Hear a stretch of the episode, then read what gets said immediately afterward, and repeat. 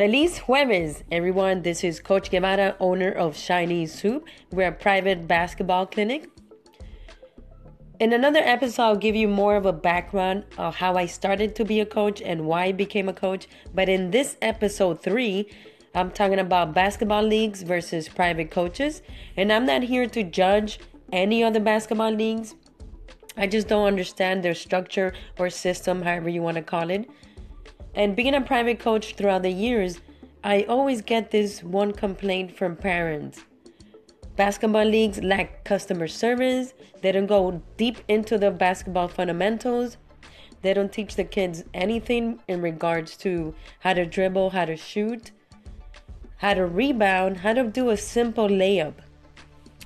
So when they come to me, it's a little bit refreshing because they get the polar opposite I am for customer service. I am solely for the student athlete. I go deep into the basketball fundamentals and I teach agility, skills, everything that has to do with basketball, A through Z.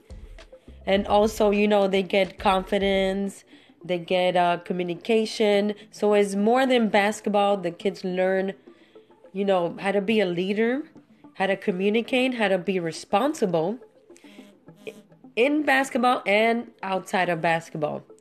So I, I just have one question for you guys, and please leave a message uh, with tips or anything else or concerns. Are basketball leagues better than private coaches? That's my question for today and the segment for today. This is Coach Guevara, owner of Shiny Soup. Follow me on Instagram and on Twitter. Coach Guevara is out. Thank you, everyone.